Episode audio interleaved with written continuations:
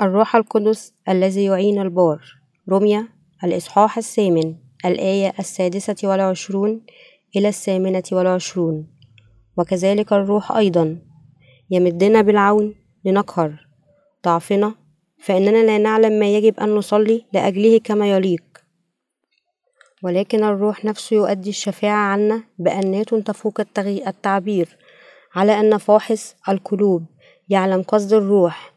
لأن الروح يشفع في القديسين بما يوافق الله وإننا نعلم أن الله يجعل جميع الأمور تعمل معا لأجل الخير لمحبيه المدعوين بحسب قصده. الروح القدس يسكن في قلوب أولئك الذين يؤمنون ببر الله. الروح القدس يجعلهم يصلون ويساعدهم على ذلك. أيضا يشفع فيهم بأنات لا ينطق بها. هذا يعني أن الروح القدس يعينهم كي يصلوا حسب إرادة الله. لهذا أولئك الذين يؤمنون ببر الله يدعون أولاد الله. ووعد الرب لهم أنه سيكون معهم دائما وإلى انقضاء الدهر.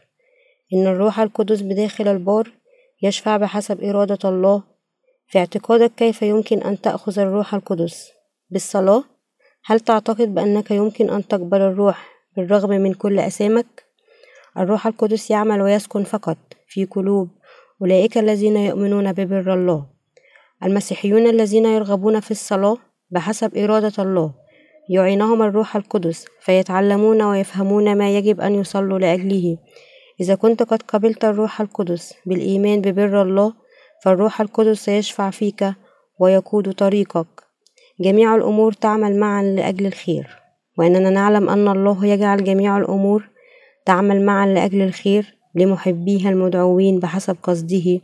رمي الإصحاح الثامن الآية الثامنة والعشرون. الله في صف المؤمنين ويجعل كل الأمور تعمل معا لأجل الخير لمحبيه. يحب الله المؤمنين المولودين مرة ثانية. قد يستخدم أعدائنا أحيانا لمنفعتنا لكن في النهاية يعاقبهم لآثامهم وهكذا كل عدو لنا سيهلك بعقابه الأبدي لأن كل شيء يسمح به الله هو فقط لخير المؤمنين.